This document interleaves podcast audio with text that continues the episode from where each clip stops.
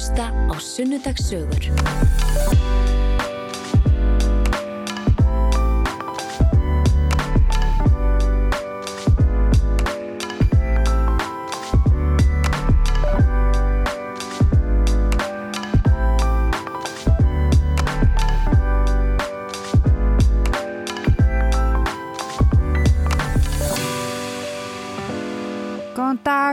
Velkomin í þáttinn Sunnudagssögur.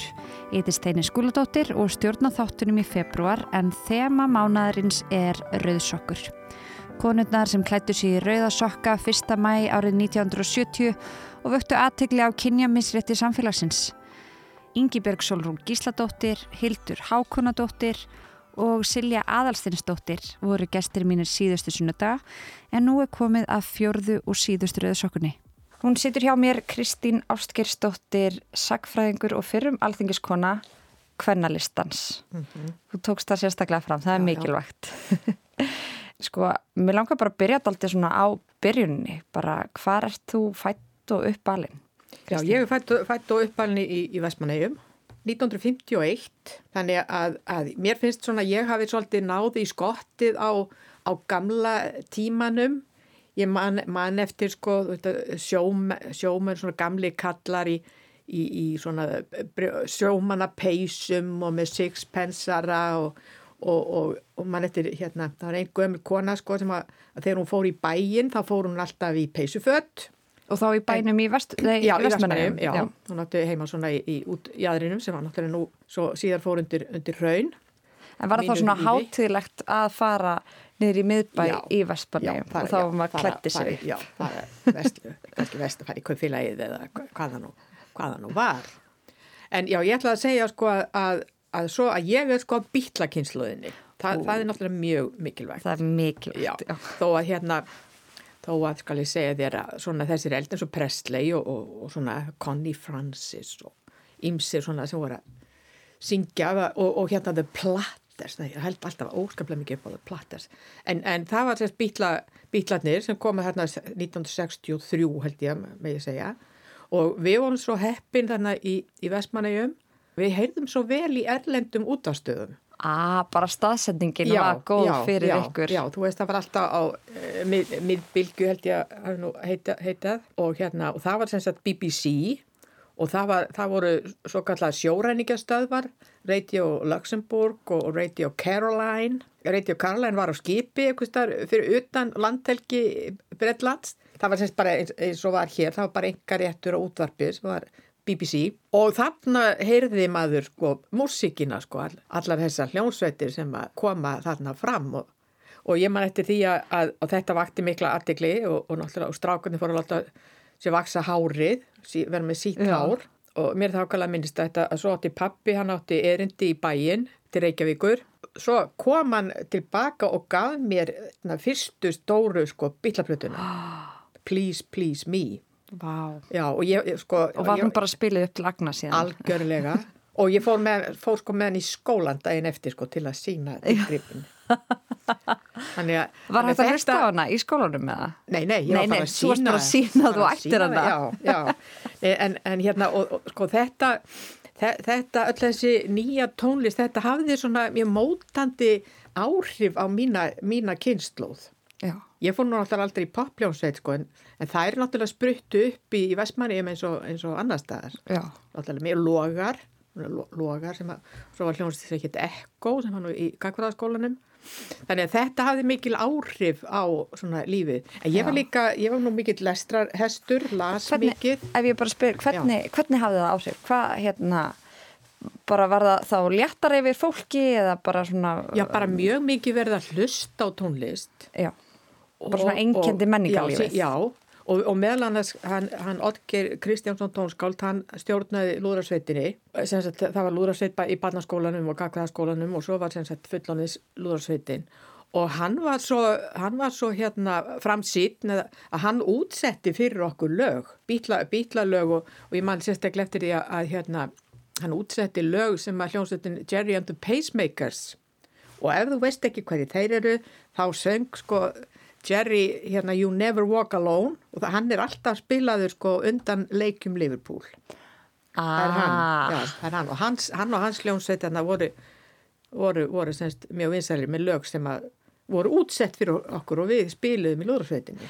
Sko, það er þetta með sem þú veist að segja með að væri svona eins og sjóræningja skip uh, sem voru útastöðar eins og. Radio Luxemburg sko, hérna Radio Luxemburg var, í, var semst bara í Luxemburg Já, því þeir fengi að vera þar Já. en þetta voru englendingar sko sem var, ah. var á, á, á, á ennsku. Radio Caroline var á skipi.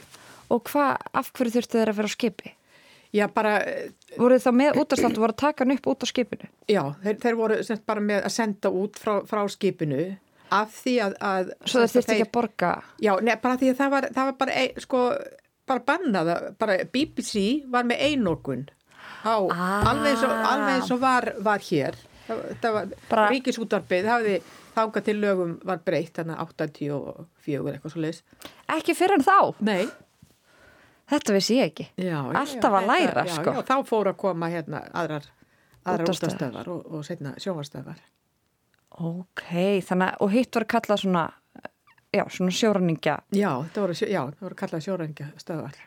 en það mátti í Luxemburg Já, Áhugavert já, þe- þetta, já, já, þetta Já. hlustuðum við á. Já. Dag og nætur. Já, og einmitt, og á svona góðum stað í vestmanni til þess að ná, hérna, vera að- nær Ég hef heitt að það, það er á austfjörðunum, þar heyrðu þið líka vel í, í þessum stöðum. en nær. Þannig að, að þetta er mikil áhrif. Vi, en við til þess náðum ekki kannanum, sko, heyrðum ekki kannanum. Mm. Það hefði nú ekki verið mikil hrifning á mínu heimili yfir, yfir því að vera að hlusta á kannan. En samt var hann þarna, kaninn náttúrulega Kaninn í, komin á já, í- Íslandi já, og í bara, Keflavík, sko, já, og það var það sem að hann hafði náttúrulega líka með sinni tónlist líka mikil, mikil áhrif sko á, á svona ungt, já, ungt fólk sem Mhm. hlusta, hlusta á tónlist. Hva, hvernig var stemmingin gagvart kananum út á velli á þessum tíma? Það var náttúrulega bara, það var í gangi bara mikil barátta gegn eh, herstöðinni og, og, og, veru bandaríkja hers hér á landi sem að stóð náttúrulega, já, stóð nú lengi, svo bara allt inn fóru þeir. bara allt inn lokuði farnir.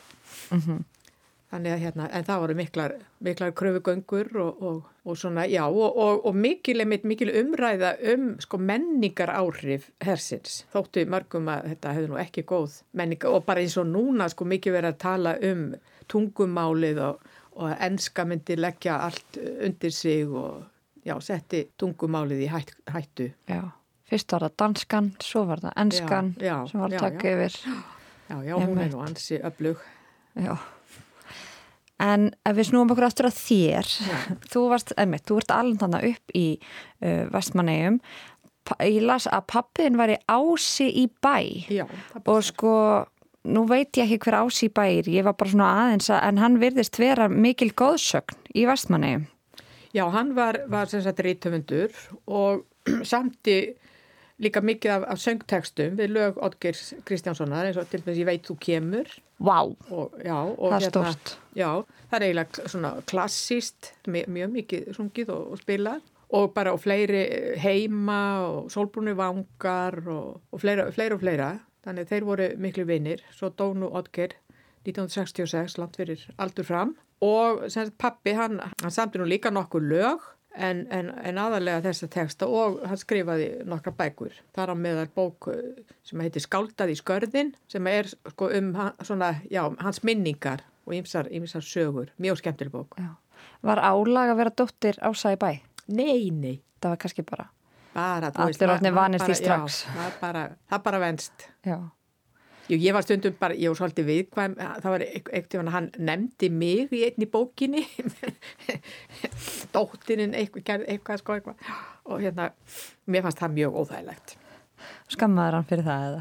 Nei, ég, jú, já, ég sagði hann ætti ekki verið að skrifa, skrifa um mig í bókunum, maður þú veist maður svona, feiminn. Já. Ok, þannig að þú varst feimið bann. Já og nei, já nei, sko, nei, þú veist, þeir bara komið svona, eins og bara stelpur átt verða, sko, á svona unglingsárunum, það er svona viðkvæmur fyrir útliti sínu og, ímsu. Nei, ég var á agalega mikil kjaftaskur, let, let svona allt, allt fjúka. Einmitt, mér langar að spyrja það því að svo ferðu setna náttúrulega út í pólitík og svona. Var mikið talað um pólitík á heimilinu? Já, pappi var, var, pappi var nú mjög pólitískur, hann var, í, hann var nú meðlemur í sósialistaflokknum og, var, var nú svona heilmikið vann svona heilmikið fyrir, fyrir flokkin og það var mikið, eins og margir hafa nú sagt, sagt frá sko mjög heilagt alltaf að hlusta á fréttir, fylgjast með fréttum, lesa blöðin því miður það nú eitt af, eitt af þessu sem hefur gerst á undanförnum árum sko það er bara, það er bara eitt einasta dagblað eftir hérna í landinu. Mér finnst það nú alveg hörmulegt. Þetta er bara allt komið á netið. Já, þetta er allt komið á netið og auðvitað er, mikil fjölbreytni og, þar á móti kemur að, að náttúrulega allar þessar sjónvanstöðvar sem maður getur fylst með. Ég til dæmis horfið mikið á BBC, fréttir, sko, fréttir svona frá BBC, ég er fréttafíkil og hérna... Hefur alltaf verið það? Já, alltaf, já, fyr, alltaf, fyrst... Já, þetta sko fylgjast með og vita hvað er að gerast í heiminum. Þó að stundum náttúrulega verður það svo yfir þyrmandi sko að maður bara líka við maður leggist í þunglindi sko eins og, eins og ástandið núna. En, en já, það var, það var mikið fylgst með, með pólitík. Og það er eitt líka sem ég verða að nefna sem að hafi sko mikil áhrif á, á mína kynnslóð, það var Vietnamstríðið sem að í raun og veru stendur sko frá 1954 til 1974-5, eitthvað svo leiðis. Já, það var svona lengi. Já, það var svo, það var svo ógeðslegt stríð, ó, virkilega ógeðslegt og, og, og sko, öllum, öllum bröðum beitt nema, nema sem betur þeir ekki kjarnokku vopnum. En það var, það var nú meðal hans bandarækjumenn, þeir, þetta er mikið, mikið, mikið skóar, þeir, þeir sko flegðu þarna yfir eitri sem að draf laufin á trjánum. Ég held að þeir séu bara enna glíma við þetta, afleðingantar að þessu, þessu eitri. Þetta er náttúrulega svo ræðilegt. Endaði með því að bandarækjumenn töpu þessu stríði og eruðu bara að drífa sig heim. Já, einmitt, þannig að það var svona einmitt. Já, þetta hefði mikil, mikil áhrif á, á okkur. Já, og hvernig var á heimilinu eins og var mikið talað um svona jafnrétti eins og jafnrétti kynjana?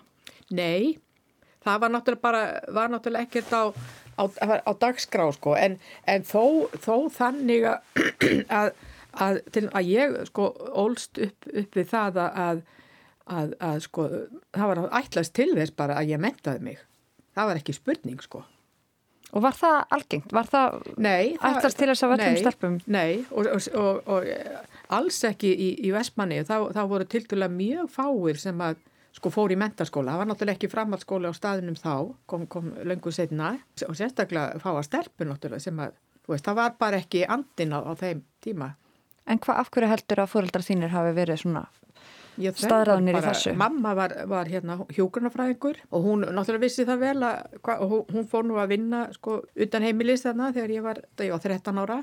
Ég hef nú oft sagt frá því að það hafði mikil áhrif á mig, ég, þeir átta mig á því hvað þetta skipti hana ofbóðslega miklu máli að fara að vinna. Fara, hún bara eiginlega, hún gjör breyttist.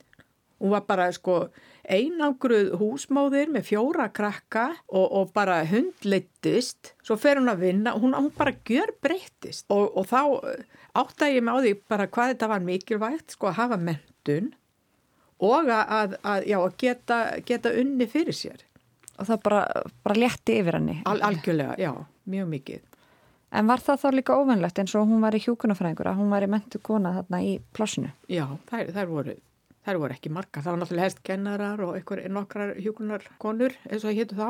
En þannig að þú, það var bara, það var uh, mjög eðlegt fyrir þig að já, sjá þetta að, að þetta var heima í þér. Hérna, já, ég átta mig á því hvað þetta var, hvað þetta var sko mikilvægt. Mm -hmm. Svo, semst ef við förum að koma okkur frá Vestmanlegjum, að, að ég tók landspróf 1967 og ákvaða að fara í til, til dæla nýstofnaðar mentaskóla, mentaskóla við Hamrallíð. Það fóru flestir í Vestmanni fór á laugavatn ég, mér langaði sko, mér langaði til Reykjavík mér langaði að komast á tónleika og í leikúsin og, og svona, bara því kaffihúsin og, og þetta ég var náttúrulega bara, maður bara að lesa mikið sko, bækur sem að gerðust í stórborgum og, og svona, þannig ég hérna fór Þú sást það fyrir þér í Reykjavík Já, í, já ég fór semst í, í mentaskólan við, við Hamrallíð ég er, ég er úr öðrum árgangi mentaskólans við Hamrallíð Í alvöru? Mm. Vá wow. Já, já það var náttúrulega ægilegt fjör og, og náttúrulega þessum árum sem að sko þessar hefðir skapast sko mikið, mikið, mikið af tónlistafólki það voru stelpur þarna já aðlega, já Kristinn Sigmundsson óperusöngvari, hann er úr mínum árgangi og svo voru þarna já, aðalega stelpur sem að voru sko að læra á fiðlur og, og selló og... Þannig að þið settu svona smá tónin Já, já, já, já. menntaskóla já, og- MH myndi vera. Já, gera kvikmyndir og, og norður kjallari svo kallaði, hann var, kom til sögu þarna svona líklega á síðasta árinu sko. Það, var, það var verið að byggja skólan sko, þessum bæ- bættist alltaf við þarna hverju, hverju ári en það var hérna Var þessi borðamenning þegar þið voru? Nei, það Nei. var nú ekki, nei, nei, það var ekki komið sko, það var, Nei. Það er setna. já. Það er ekki hægt að gera en- allar hefðirnar Nei, strax. nei, nei, nei, auðvitað þróast þetta en það gefa út blað og svona og all, all, flestir svona mjög rótækir og, og vildu breyta heiminum Já. Og einmitt, er það ekki fullkomið í nýju mentaskóla? Bara, því að all, allir vegir færir. Já, já, einmitt, jú, einmitt sko, það, það var, manni fannst allir ma- manni væri allir vegir færi sko Já.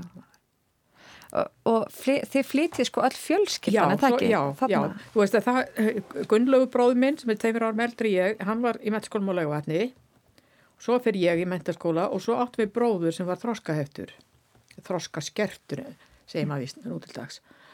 Uh, og hérna hann, það var engin þjónusta fyrir hann í Vestmanni ekki, ekki sko neitt.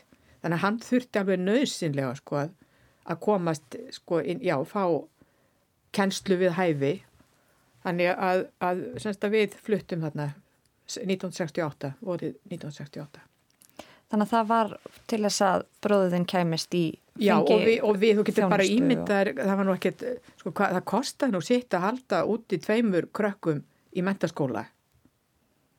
Það var nú ekki ko- kostað, kostað lítið. Já, einmitt. Þannig að, já, við sem sagt fluttum söður. Og það er hvað, 1968, þannig að Já. þið eruð ekki, þið landið ekki í heimæjagósinu Nei, þarna, nokkrum nei. árum setna. Nei, en Guðmur Almatur, það er náttúrulega ógleymalegt. Má ég segja frá því, sko, að það var semst þannig að- að Gunnlaugur bróður minn, hann var komið kærustu. Þá, og þetta, og þannig jan, þetta er janúar, við vorum bæði í háskólanum og, og það voru próf daginn eftir, 23. janúar voru próf og ma- maður var búin að vera að lesa hérna fyrir próf og, og nema hann, hann hérna seint, já, eftir miðnætti, eitt eitthvað svo leiðis, að þá þarf hann endilega að fara heimsækja kærtuna um, um nótt og, og hann tekur leigubíl og í leigubílnum þá heyrir hann að það er bara hafið gos. Þá er bara verið að ræsa út um allt og, og hérna og verða að, já, opna útvarp, setja útvarpið í gang og og allt þetta. Og þegar hann kemur þarna til, heim til kæristunum, þá ringir hann heim til okkar í máliðinni og, og, og bara vek, vekur okkur og, og segir það er bara að fara að gjósa í, í Vestmanniðu. Og við náttúrulega, kveiktum út og ég, ég ringdi þarna í vinafólku okkar líka frá, frá Vestmanniðum að, og hérna vakti þar upp og, við bara fórum að náttúrulega fylgjast með þessu.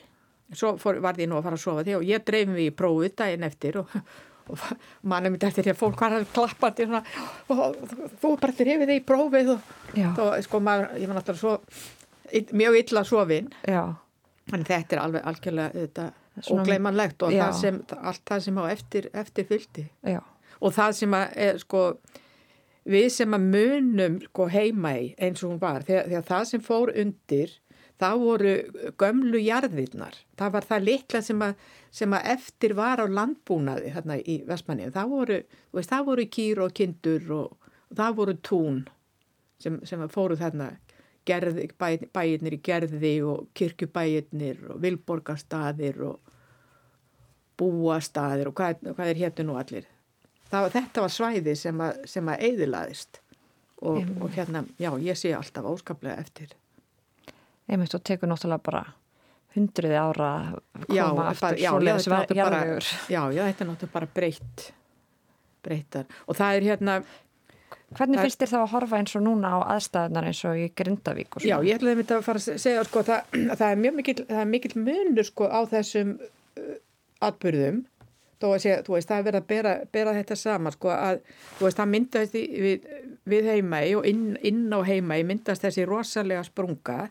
En hún er, hún er að, semst, að hluta til í sjó til að, og, og það, þá verður þetta sprengjugósi þess þá, þá verður svo mikil aska og það munurinn sko, en þetta er alltaf á landi hérna kringum Grindavík að, að, að þar, þar rennur hraun en í Vestmanniðum það var svo óbúðslega mikil aska. Og það var, var hérna fínt sko, óskaplega fínt og fór náttúrulega út um allt. Og, og, en það var hægt að móka henni í burtu. Veist, það var bara mókað og mókað og mókað sko, það, til að bjarga húsum og veist, það settist á þögin og, og Einmitt. en svona góð þetta er bara ríkalega óhugnulegt Já. þó þessi merkilegt og, og allt það sko Já. Vá, en eh, hérna þannig að einmitt, þú ert komin heim þegar, þegar gósið þér, þá ertu búin, já, þú ertu komin í háskóla Já. uh, og þú fyrir í... en, Já, já. en, en sko að við förum rættið að, að hérna, þannig var að, að pappi sem reytöndur, hann, hann hérna þekkti meðal hans Vilborgu Dagbjörnsdóttur og Þorgeir mann hennar og, og ég man eftir að hafa komið komi stundum í heimsók til þeirra. Og, og þannig var að, að hérna voru 1970 þá hitti ég Vilborgu á, á hverfskötunni og Vilborg segir mér það að það nú standi mikið til, konur ætli að, að hittast og, og sé að undibúa aðgerð fyrsta mæ, það er ætla að vera á rauðum sokkum. Og hún bauð, bauð mér að koma þarna á fund og ég fór á einn fund, ég var út í Nornahúsi Og þú ert þá þarna 19 ára eða Já. já, byrju, sjö, já, og hérna, já, já, en, en hérna, ég var í þriðja bekk þegar, þegar þetta var. Og hérna, en það vildi svo illa til að við fórum í, fórum í jarðfræði ferðalag, bekkurinn, já, bekk, bekkirnir þarna, na, ég var í náttúrfræðideildinni, fórum í, í jarðfræði ferðalag í Þórsmörk. Og hérna, og þannig að ég bara var ekki í bænum fyrsta mæ, Þú varst bara í þannig, Þórsmörk. já, þannig ég bara misti af göngunni. En, en síðan sko ég fylgdist nú svona vel með, með, með umræðinni en, en á þessum tíma sko ég var eftir, sérstaklega eftir ég kem í háskólan sko þá, þá vorum við nú meira svona í, stúdentapólitíkinni. Það var, það var til og með það var eitt af því sem að mér finnst nú að, að, að, að, mín kynslu virkilega breytti og það, voru, það var námslánakerfið. Náms, námslánakerfið var svo lélegt var að, að í rauninni var það þannig að, að sko veist að námsmönnum hafi fjölkað alveg óbóðslega. Það voru svo stórar, stórir árgangar sem voru, voru að koma fram en, en hérna koma inn í, inn í skólana og háskólana að, en fólk hafi bara sko ekki efna á því að fara í háskólan. Það var bara mjög, mjög erfitt ef þú ekki áttir, áttir sko efnaða foreldra. Þannig að það var mikið barátta við að, að, byggja upp þetta námslánkerfi. Þú fegst bara sko hluta af kostnaðinum. Svo, svo átti bara að vinna fyrir restinni. Svo var, svo var nú dreigið frá og þetta var, þetta var ríkalegt kerfi. Og, og þarna var nú mikill munur á strákum og stelpum. Með hvað er fengur? Já, með, þú veist með sko lau, hvaða, hvaða kost þú áttir á launari vinnu. Já, hvað þú fengir í laun? Já, og ég man, man, það er nú svolítið áður í mann, það var þarna bróðir einnar skólasýstu minnar, hann var í mennskólum á Akureyri og, og, og þess að þetta er svolítið fyrir já, þegar áður en síldarstofnin rundi, eftir að búið vera að veiða hann upp til lagna, að hann fór alltaf að sílda á sumrin og hann bara vann algjörlega fyrir sínum, sko, sínum skólagjöldum, eða sínum, sínum kostnaði við að vera í mennskólum á Akureyri. Það þurfti ekki, fórðar þurfti ekki að leggja honum skapaðan hlut til. En, en, en að við hefðum, maður hefði nú bara aldrei fengið pláss á, á síldabát, sko, Já, þó maður hefði viljað. að þarna var mikill, mikill kynjamunur. já. Það var bara, þú veist, hægt að fá vinn í mjölkubúði eða einhverju eldúsi og spítulónum eða eitthvað, sko. Og, og þegar, þegar þannig komið sögu, sko, þá er farið að koma bækur, sko, um, í, í, í í kvenna sögu. Og, og, Og eru áfangar bækur um- í því eða? Ha? Eru áfangar í hvernasögu þarna? Í já, bóði á já, þessum já, tíma? ekki Þá, ekki, var ekki þá Nei, var ekki ok. þá, nei, nei, nei, nei. Nei, nei. Miklu setna. Já, ekki, já. Og það var nú einmitt vor, vorum við þannig hópur sem að barði það í gegn að fá kurs reyndar á, á Kant Marx-stígi, sérst masters hérna gráðan, að við fengum þannig að setja hann upp kurs fyrir okkur. Í, Já. Og þú segir þið börðu það í gegn. Já, Hvernig, hvernig já, við, við, já, já, við bara, við hérna tók, tókum okkur saman og skrifuðum bref og skrifuðum allar undir og, og mann ekki um 10-12 eitthvað svo leiðis fórum, fórum fram á það að fá, fá þennan kurs og, og bentum á kennaran Sigriður T.H. Erlendsdóttir sakfræðingur að hún, hún tók þetta að sér og þetta var ægilega gaman. Og, og, og svo hjælt þetta áfram. Já, og svo er, núna eru þannig alveg frábærir fræðimenn já, Erla Hulda Halldórsdóttir og Ragnhildur Kristjánsdóttir og, og fleiri sko sem að halda merkinu á lofti. já. Þú nefndir áðan þetta þegar Vilborg Dagbjörnsdóttir ringdi í þig og sagði þér að koma á fund sem var þá hvað fyrsti fundur rauðsokkana. Var, já, þetta var reyndar ég hittan út á götu. Já, þú hittir hann út á götu. Hverfisgötun mér. Á hverfisgötun, það er góð gata. Uh, það sem var verið að plotta þennan gjörning sem já, var já, svo á, í fyrsta mægungunni 1970. Já. En þú varst í Þórsmörg þá, fyrsta mæ, þannig að þú komst ekki með. En uh, hver var síðan, hvenar gegst þú svo í, til liðs við rauðsokkunar? Þú mættir eitthvað á fundi þarna? Já, ein, ég mætti þarna bara einn fund. Já. En já, það var ekki fyrir 1976. Það var semst eftir, sko, eftir hvenna, hvenna frítaginn sem var hann að 1975 að þá gerðist það að, að, að þá alveg var ströymurinn sko inn í, í rauðskarhefinguna og ég, semst einhver tíma þarna eftir áramóti 76, þá mætti ég og fór ég að mæta og fundi þar. Varstu þá svona innblásin eftir hvenna frítaginn? Já, veginn það þurfti að fara að gera eitthvað í málunum sko, það þurfti að fara að reyna að koma reyfingu á, það er að segja jafnbreytti kynjana og ég semst var síðan í, í rauðskarhefingunni þarna alveg til 80 og já, eitt eiginlega þegar við förum sko undirbúa hvernaframbóðið. Einmitt. Samtökum hvernaframbóð. Og þetta voru, þetta voru mjög skemmtileg ár þarna, 76 til, til 82 og, og hérna það var ímsar aðgerðir sem við gripum til og vorum mjög mikið svona í menningunni. Vorum með dagskrárum um skáldkonur, hérna, Svöfu Jakobsdóttur, Jakobinu Sigurðardóttur, Ástu Sigurðar og fleira sko. Það er þá svona vekja aðtikli á já, konum listamannum já, já, hvernig konum ekki að lesa, lesa bækur og, og svona, já, ræða, ræða málin. En það, það gerðist í raun og veru sko hardla fátt á, á þessum árum það var enda sko, þú voru sett í jafnbrettislög og jafnbrettisráð stopnað, en, en það var en að öðru leiti var, gerðist sko mjög lítið nema að bara konur voru að streyma út á vinnumarkaðin og konur voru að metta sig í alveg sko stórum stíl og voru náttúrulega að reka sig á út um allt, launamissréttið og, og náttúrulega þetta mikla vandamál sem, sem var sko skortur á, á, á leikskólum, þeir voru bara valla til, það voru bara sko forgáshópar og einstaða mæður. Svo tóku nú sko stúdendar við Háskóla Íslands tóku sér nú til og stopnuðu bara sín eigin badnaheimili já, það var, það var bara það, borgin bara, það var bara svo mikil íhaldseminn, bara verið ver ekki að sinna þjónustu við fólk bara, getur bara gert það sjálf. Það var, það var náttúrulega ekki fyrir en Reykjavíkulistin kom til söguna 1994 sem eitthvað fór verulega gerast í þessum málum. Já. og þetta er eitt sem að fólk bara gerir sér ekki grein fyrir núna hvað þetta, það voru náttúrulega það voru dagmæður og, og það, fólk var að þeitast um allan bæ með, með blessu litlu börnina, komaði í gæstlu og, og, og síðan náttúrulega afar og ömmur að hjálpa til frængur og frændur og svona Já. Þetta var mjög mikið búsluspil hjá, hjá fólki. Já. Ef við tölum aðeins um þannan tíma, 1976 til 81 sem þú ert, Já. hvað að því að mér skilt að uh, kerfið sem hjá rauðsokkunum að þeir voruð í svona starfshópum mismunandi. Og, og ef þú varst í starfshóp þá varstu virkrauðsokka, ef þú varst ekki starfshóp þá, þá varstu hverki skráð. Uh, í hvaða starfshópum varst þú? Ég var, ég var nú aðalega hérna var svo kallar verkalýshópur ég var líka mjög mikið hérna í, í miðstöð sem var svona, svona framkvæmda aðilinn.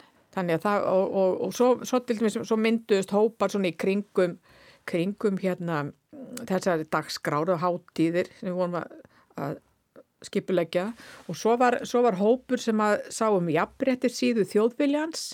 Það, ég, var einmitt, ég var mjög mikið þar. Bara, þú veist, að halda úti svona heilli síðu sko, eins og í viku, það var heil mikil vinna, taka viðtöl og finna eitthvað fréttir frá útlöndum og svona. Og hvað vikvarja voruð þá taka viðtöl? Já, það bara gáttu verið þess að einhverjar uh, vinnandi konur eða, eða fulltrúar einhverjar starfstjætta. Og þá bara stöðt að reyna að vekja aðtikli á þessu missetti. Já, já, og á, á svona, já, hennum ímsu málum. Sko, bara, helstu barátumálinn þarna, það, það var sem sagt, það var dagvistun fyrir, fyrir öll börn. Það var samfældu skóladagur og síðan var, var hérna, voru krafa um fæðingar orlof, sem það var, það var sko það voru bara ofinberi starfsmenn sem að, sem að höfðu, konur ofinberi starfsmenn sem höfðu sko eitthvað fæðingarólof, minnir að verið þrýr mánuður en, en verkakonur sko höfðu bara eiginlega ekki neitt.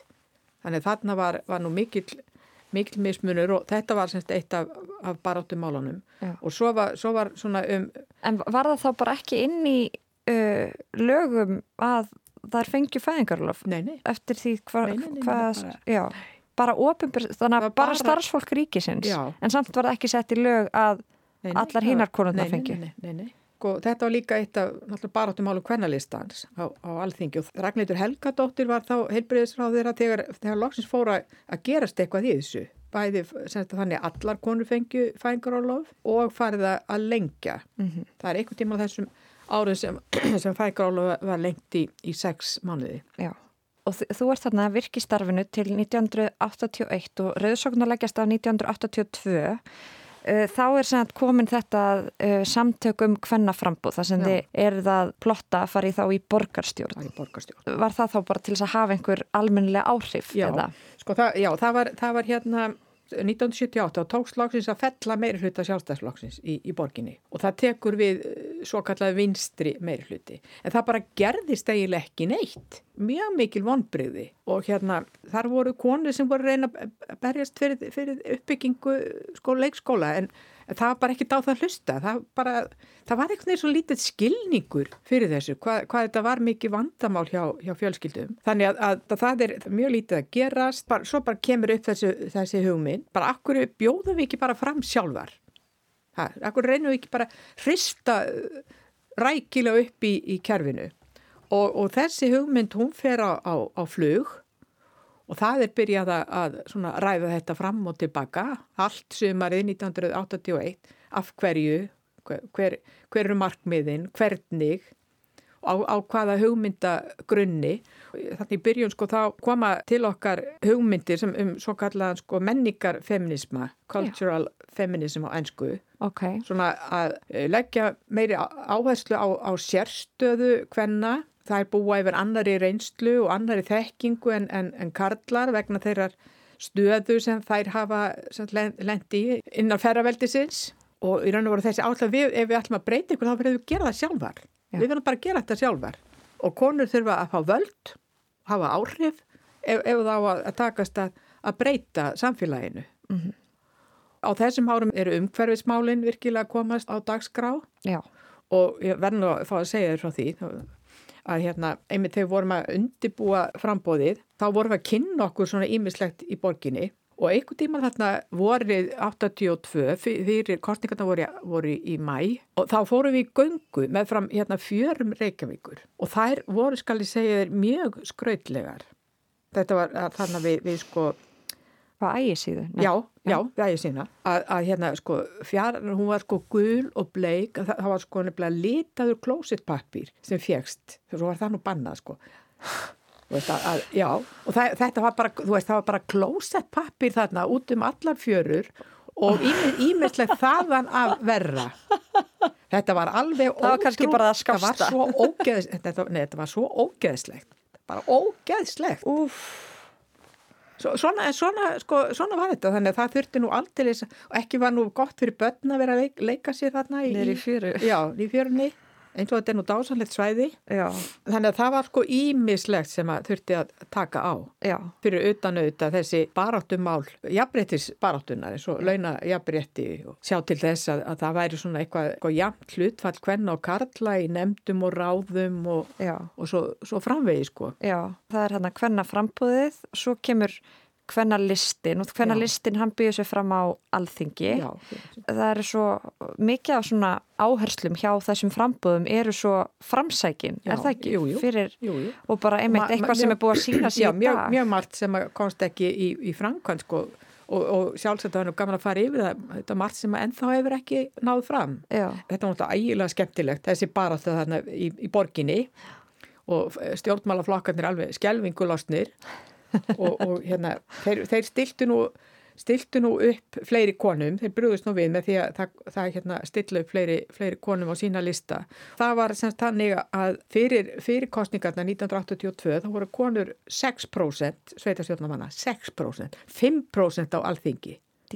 Já, en semst eftir kostningarna þá fór talin upp í 12, 12,5% og svo he- hefur þetta haldið sko áfram að aukast, það er nokkuð veginn bara 50-50 núna Já, í, í, í, í sveitastjórnunum þegar allt er, er hérna saman, saman tekið. Aðeins meiri sveiflur sko á, alþingi. Já, og var Eftir- ekki næstuð í, í síðustu alþingi Jú, næstu því orðna meiri hluti. Já. Því miður. Var var ah, tal- við hefum komist í heimsréttina Já, talninga klúðriði í, í borgarnesi. Já. Já, en, en já, já semst, þetta var alveg rosalega eh, sko skemmtilegt. Svo fengum við tvo fulltrúa og það náttúrulega og, og Byggustu við því?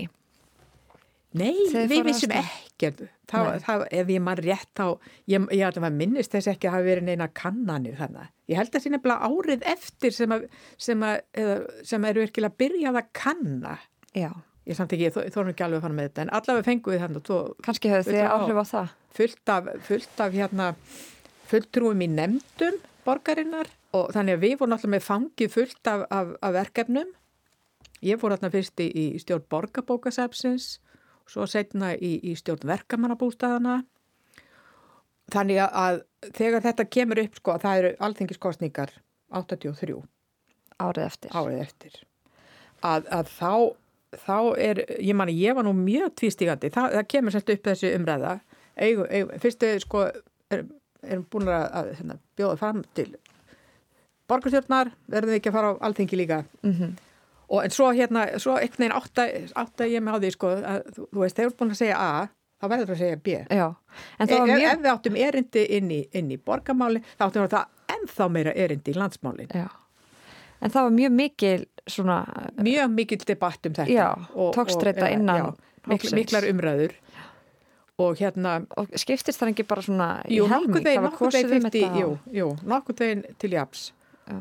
Og, og hérna en, en aðeins fleiri sem að vildu ekki og töldu, töldu að, að þetta væri nú bara alveg nóg sko að, að vera þannig í borgamálunum Og hvað var það þá? Var það bara að þið hefðu ekkert með að gera... Já, þetta, Ákveða þetta- eða já, ég veit já, ekki. Þetta, þetta væri bara, þetta hefði bara átt að vera svona aðgerð Já, bara svona vitundavakning. já, já, aðgerð sko og já, bara sjálfsett mörgum vaksi þetta í augum sko að hérna Þetta er En- hratt. já, já, mikið. einmitt, já en, en það var náttúrulega, þú veist, það var keppnisskap sko og, æsingur Já. En þið Og- þá slituð ykkur frá, er það ekki? jú, þá var ekkit um það, Þessi helmingur já, sem það, vildi- það var hérna, við sem, sagt, sem vildum farið fram við urðum þarna undir svo líða þarna nokkri dagar og þá ringir hún, hún eins þarna, Helga Jóhannsdóttir settist við síman já, ég er nú ekki alveg ánað með þetta. Eigum við ekki að hittast og, og ræða málin? Jú, jú, og við, við hittumst margar, margar, hún ringdi og ringdi og, og, og þá bara kom þetta þegar við, við bara stopnum önnur samtök. Við eigum að gera þetta. Og þá voru stopnum samtökum kvennalista. Hitt var hvenna frambóð og, svo kemur hvenna listi. já. Og nú var bara taka honum stóra sínum og, og, og setjast niður og semja stefnusgrá í, í landsmálunum. Og aftur lagðum við mikla áherslu á, á umhverfismálin. Það gegn nú allt út á það að byggja álverksmiður við lagðumst algjörlega gegn þessum Og var það- stóriðjunni eins og hún kalluð og stóri vinnustæði fyrir kalla náttúrulega og, og fyrir utan sko mengunina og, og allt þetta. Fríðarmál voru mjög á, á dagskrá. Það er kjart nokkuð vopnavæðing í, í Evrópu og svo náttúrulega öll þessi málefni kvenna launajabrétti, fæðingarólu, leikskólar og allt, er- allt þetta Það er eitthvað svo sorglegt við að heyra það að það öll þessi vittneski um mengun og svo leiðis hafi verið til staðar en samt séum við ekki ennþá að ná að taka þessu nógu förstum tökum Já. þótt að séu liðin 40 ár. Já, ég man eftir því að hérna, það sem var kallað súrt regn Já. það var svo mikil, mikil sko, mikil efnum í loftinu, eitur, eitur efnum að það ringdi að það var or- orðnar sko drap fisk í, í ám og, þau, hann bara flaut döður, döður upp og, og hérna tréun drápust og þetta var meðlans mikið í Þískalandi en, en þjóðverjar sko, þeir bara tóku á þessu það var bara, gjöra svona bara dragur útblæstri og, og þeir, þeir tóku því lít það hefur ekki heyrt minnst á súrt regni bara í ára tugi, þetta er vel verið að sé nú einhvers staðar sko en, en þú veist þannig að þú veist að, að það er það er hægt að taka á málum ef að ef að vilji sko er, er fyrir hendi og það, það er ímið samtök sem er að, að sko fara hérna um höfin og, og, og sapna plasti Já. finna tæki til að bara reyksugur hérna ríksuga höfin Já, ríksuga, já, ríksuga, sko, já. Og rusli. Já, en það auðvitað dugar hverki nærri til. Þannig að þetta, já, þetta er, sko, við vitum þetta, en það er náttúrulega svo miklu hagsmunir í, í húfi, ólíu framleiðslu ríkin og, og þeir sem eiga, sko, ólíulindir, mm -hmm. ólíufyrirtækin sem að, sko, stimpast við Já. og því miður núna sko hefur, hefur bara orðið bakslag sko, hvert ríki á fætur aður að frest, fresta aðgerðum sko það sem átt að nást sko 2030 nei við, við frestnum því til 2040 af því að þessar hagsmuna aðalegir er svo frekir sko það er bara þannig og það, það er það sem fólk vill ekki horfast í augu við að við, sérstaklega við vesturlandabúar við þurfum að skera niður neistluna og það bara mikið það, það var nú bara frétt núna í einhverju blaðinu sko að að það hefur, hefur sko aukist mjög mikið endurvinnsla á, á hérna textíl. Mik, mikið sem þú veist er, er, er að fara í ringrásakerfið en það verður ekkert minga því sem er hend Fólk bara kaupir meira en þá bara bæði endurinnið en líka já, nýtt. Já, til þess að dragu ferðalögum. Þetta, þetta, þetta er það sem við þurfum að, að gera draga stórkostlega úr neistlunni endur nýta og, bara gera við fött í staðis að vera alltaf að kaupa nýtt Já. en þetta er bara það sem fólk er ekki að horfast í auðvið því miður. Já. En þú ferð svo inn á alþingi, hvað það er? 1991. 1991, já. Hvernig var það nú eftir alla þessa undirbúningsvinnu af því að búa til kostningamarkmið og svona og svo komast síðan alla leið inn á alþingi? Þegar ég kem þarna inn 91 sko, þá var náttúrulega hvernalistakonur búin að vera þar frá 1983 og þessar þrjár uh, fyrstu sem fóru þarna einn, Sigriður Dúna og Guðrún Agnarsdóttir og Kristín Haldursdóttir, sko þær mættu svona ansi miklu andstreymi. Það er nú þessar svona þekktu að, aðferðir reyna að gera þær hlægilegar og þeir vissi nú ekkert í sin haus en, en þeir voru nú fljóttir átt að segja því að þetta voru nú engar sko engir aukvisar nema sko síður sé og er náttúrulega sönnuður sín og heldur betur þarna Þannig að við náttúrulega komum með alls konar tillögur, meðlans fyrst, sko, fyrsta tillegan sem var samþygt frá kvernalistanum, það var um úttækt á meðferð naukunamála. Það leiti af sér skýrslu, síðan leiti af sér stopnun neyðamóttöku fyrir, fyrir, fyrir tvolendur kynferðsofbeldis. Og, og það var auðvitað, sko, það sem að kvernalistin gerði, það var náttúrulega svona eitt af því mikilvægur, það var náttúrulega að setja þessi mál, þessi, þessi barátumál kvenna á dagsgráð þingsins Það var náttúrulega búið að fjallum ímislegt út í þjóðfélaginu, blöðum og, og, og, og slíku. En þarna eru bara fluttar sko beinharðar tillögur. Bara það þarf að taka þær fyrir. Já, já. drópin hólar steinir, smátt og smátt þá, þá fara menn að skilja svona út á hvað þetta gengur eins og ég nefndi hérna með fæðingarólofið og sem að síðan þróast áfram.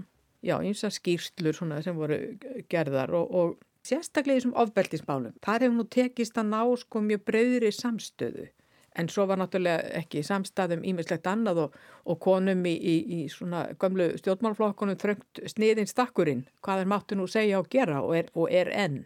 Meinar þau þá bara ef þær voru sammála þá máttu þær ekki tjá sig um það? Já, já, það var ekki vinsælt. Þannig að þegar ég kem þarna inn að þá náttúrulega eru þessi árliðin, það, það er komið tvö kjörtímabil sem að hvernig konur, það, það er fyrst þrjár, svo eru það sex, svo eru við fimm þarna 91 til, til 95 síðan þrjár aftur mm. síðasta kjörtumbilnu og hérna þetta var náttúrulega þetta var merkileg reynsla að mörgu leiti þingið er í föstum skorðum svona ákveðin, ákveðin svona vinnubröð og ákveðin talsmáti. Maður læri þetta nú eins og skoð virðulegi fósitt og herra fósitt eða frú fósitt þetta er að sumleiti sko til að, til að hérna skapa ákveðina fjarlægð Þannig að, að maður missi sig ekki í skömmum og, og óheftu tungumáli sem stundum gerist nú, menn geta orðið svona illskeittir.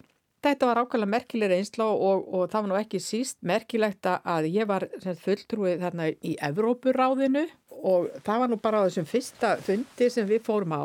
Heyr, þá bara bríst út stríðið í Júkoslavíu, 91. Það var þarna hópur þingmanna frá Júkoslavíu og þeir bara vissi ekkit lengur sko fyrir, fyrir hvernig voru fulltrúar. Og það var semst þarna alltaf farið í bál og brand. Og síðan einmitt fylgdist ég með þessu stríði þarna þessi ár. Ákvæmlega minnistætt sko en við náttúrulega bara heldum starfinu áfram. Þarna, þarna kom nú upp sko EES-samningurinn sem var mjög umdeildur og svo sem er, er enn ímislegt svona sem honum fylgdi. Svo var ég nú svo heppin sko að, að hérna, ég fekk að fara fyrir hönd alþingis á kvennarástefnuna í Kína 1995. Það var alveg stórkostlegt að upplifa það. Vá, hvað hva kom til og hvað varst Já, það að það var semst að, sko fyrsta kvennarástefna saman í þjóðan var 1975 það, á kvenna árinu og síðan er önnur í Kaupmannöf 1980, Nairobi í Kenya 85 og síðan er ekki rástefna fyrir þarna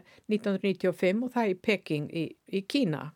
Það var nú umdelt hér hvort að ætti nú að vera taka þátt í þessu út, af mannréttindabrótum í, í, í Kína. Mm -hmm. Alltaf þessi spurning sko á að, á að hunsa eða á að taka þátt. En það var allavega ákveð að taka þátt og ég sem sagt fekk að var þarna annar fulltrúi alþingis og þetta eins og ég segi var alveg, alveg stórkost. Þarna náði maður sko þannig að gömlu kempunum Betty Friedan og, og, og bandarískonan Bella Abzug við þekktur svona feministi sem það var rosalega gaman að maður lærði svo mikið og heyrði svo mikið og, og svo náðist þarna samkomulag sko um texta, um kröfur um Peking sáttmálinn svo kallaði mm -hmm. og margt náttúrulega ákvæmlega merkilegt í honum meðan hans umhverfiskablin, mjög merkilegur. Hva, hvað er í Peking sáttmálunum? Það, það er, sem hann er í, í það er bara kröfu, ástandið svona og það þarf að gera þetta og þetta og þetta og þetta.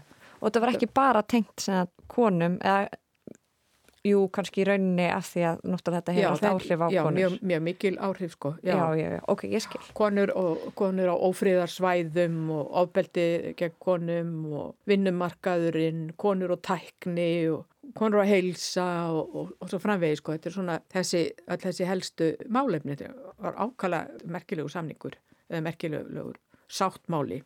Mm -hmm. Þannig það var, það var náttúrulega alveg stórkostlegt að fá að taka þátt í því. Svo lánu við þarna í kostingun 1995 að við bara dittum út af þingi. Af hverju heldur að það hafa verið? Það er auðvitað svolítið erfitt að átta sig á því. Þú veist, alla svona reyfingar þær bara eiga sinn líftíma og þá fara að koma upp hugmyndi nú þarf að gera eitthvað annað. Erindinu var náttúrulega alls ekki lokið, sko. Það er langt í, langt í frá. En við vorum nú búin að standa þarna í heilmiklum deilum um, um EES-samningin. Þannig að svona samstaðan var ekki eins mikil og, og, og áður og það var þarna 94 sko þá bauð Reykjavíkulistin fram og við kvennalistin var, var hérna hluti af því náttúrulega Ingebergur Solrún og fleiri þarna í, í farabróti og hérna það, sumar voru mjög ósáttar við það mm -hmm. En ég, ég var nú fylgjandi því. Mér fannst nú ákvæmlega mikilvægt að koma sjálfstæðarflokknum frá. Þetta er svo, þetta er svo slæmt sko þegar sami, sami flokkurinn sko sýtur við völd kemur sér og sínum allstaðar að. Það er ekki gott fyrir líraðið En þannig að þarna þá bara komin svona, já, já það, það er kannski bara... drivkrafturinn eða svona, já. var mikil nýliðun í gangi eins og hjá kvennalistanum og... Já, já, það, það var nú alltaf svona, svolítil, nýliðun, en maður fann svona að þetta var að þingjast og, og já, og, og svona, og ég hef nú sagt það áður sko að það er náttúrulega það, það allra versta sem að gerist sko í, í nokkuri reyfingu, það eru innri deilur. Það reynir alveg ofbóðslega á. Mm -hmm. þegar maður fara að rýfast við, við, eða deila við sko vinkonur sínar og það er mjög erfitt. Já, og það gerist svo þarna þegar þú ert á þingi að þá Já, þá, þá, þá er farið að undibúa stopnun samfylkingarinnar sem hafi nú verið held ég svolítið lengi svona í, í bíkjarð og það voru mjög skipta skoðanir. Ég tilherði, ég var á algjörlega móti því að kvennalistin færi þarna inn. Stopna nýjan flokk, það, það, það bara þeirra, þeirra mál, en ekki að nota nafn kvennalistans, heldur bara, þá, þá væri þá bara betra að leggja niður, leggja bara kvennalistan niður. Ég skiluði þetta, þær sem að voru sko fylgjandi þessu, vildu taka þátt í að stopna nýjan jafnamannaflokk, að koma með einhver áhrif sko sem er, það er alltaf annar mál sko að koma sem reyfing eða koma sem einstaklingur. Já. Þannig að auðvitað vildu þær koma þarna sem, sko, já, sem kvennalisti. Mm -hmm. En, en þetta, þetta voru mjög erfiðar deilur. Já. Mjög erfitt og sárt. Og hver var niðurstaðan? Já, niðurstaðan var svo að, að kvennalistin gekk inn í samfélkinguna. Og þú varst ósamála því? Já, ég var algjörlega, já. Þannig að þá sagður að þú verður ekki lengur í... Já, þannig ég, ég sagði mig úr kvennalistanum. Og sagður hinn flega orð, já. ég á mig sjálf. Já, einmitt. Vist þetta aldrei flott. Og hvað, örðu vinaslit eða? Segi það nú ekki, ég er nú Nei. ekki langrækin. Nei. Eh, Jú, það er svona, já það var svona á tímabili sko, þá, þá bara var maður ekkert að umgangast þessar ágættu konur, en það er allt í mjög góðu núna. Já. Nú eru þið, Já, hald, já, já, hvernig er það? Haldið þið hópin? Já, já, Já. bæði við hérna, það er nú, það er nú svona hópur sem að, sem hittist svona eh, á jómfrúni, bara yfirleitt eins og í viku. Mjög elegant. Já, og síðan sko höfum við svo kallar kvennalista grill, svona á, á, það er svona í kringu 19. júni, kvennréttindadagi 19. júni, þá, þá svona hittumst við. Og svo, höf, svo höfum við sko verið að núna undanfærið að halda, halda upp á sko 40 ára ammæli bæði kvennaframbóðsins og, og kvennalistans. Á ammæli kvennalistans þá vorum við með, með bara ráðstefnu, þar sem við sko vorum bara að taka fyrir hvernig er staðan núna.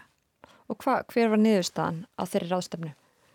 Já, niðurst að það var nú meðlans, það er komið upp þessi hugmyndum að fara í kvenna verkvall er Já. bara komin tími á kvenna verkvall. Það er líka, það er starfandi hópur sem, að, sem er að, að hérna, fylgja eftir umræðum sem þarna urðu um stöðu eldri kvenna, misrétti gagvart sko, eldri konum Mm -hmm. sem er til í, lífeyris, í lífeyrismálum og svona hvernig konu, eldri konur eru afskrifaðar. Við þekkjum það vel að það, ef þeir eru komin á vissan aldur sko, þá getur bara verið mjög erfitt að fá vinnu. Ó, óskaplegir miklir aldursfordómar sem eru ríkjandi hérna í samfélaginu, Já, því miður. einmitt.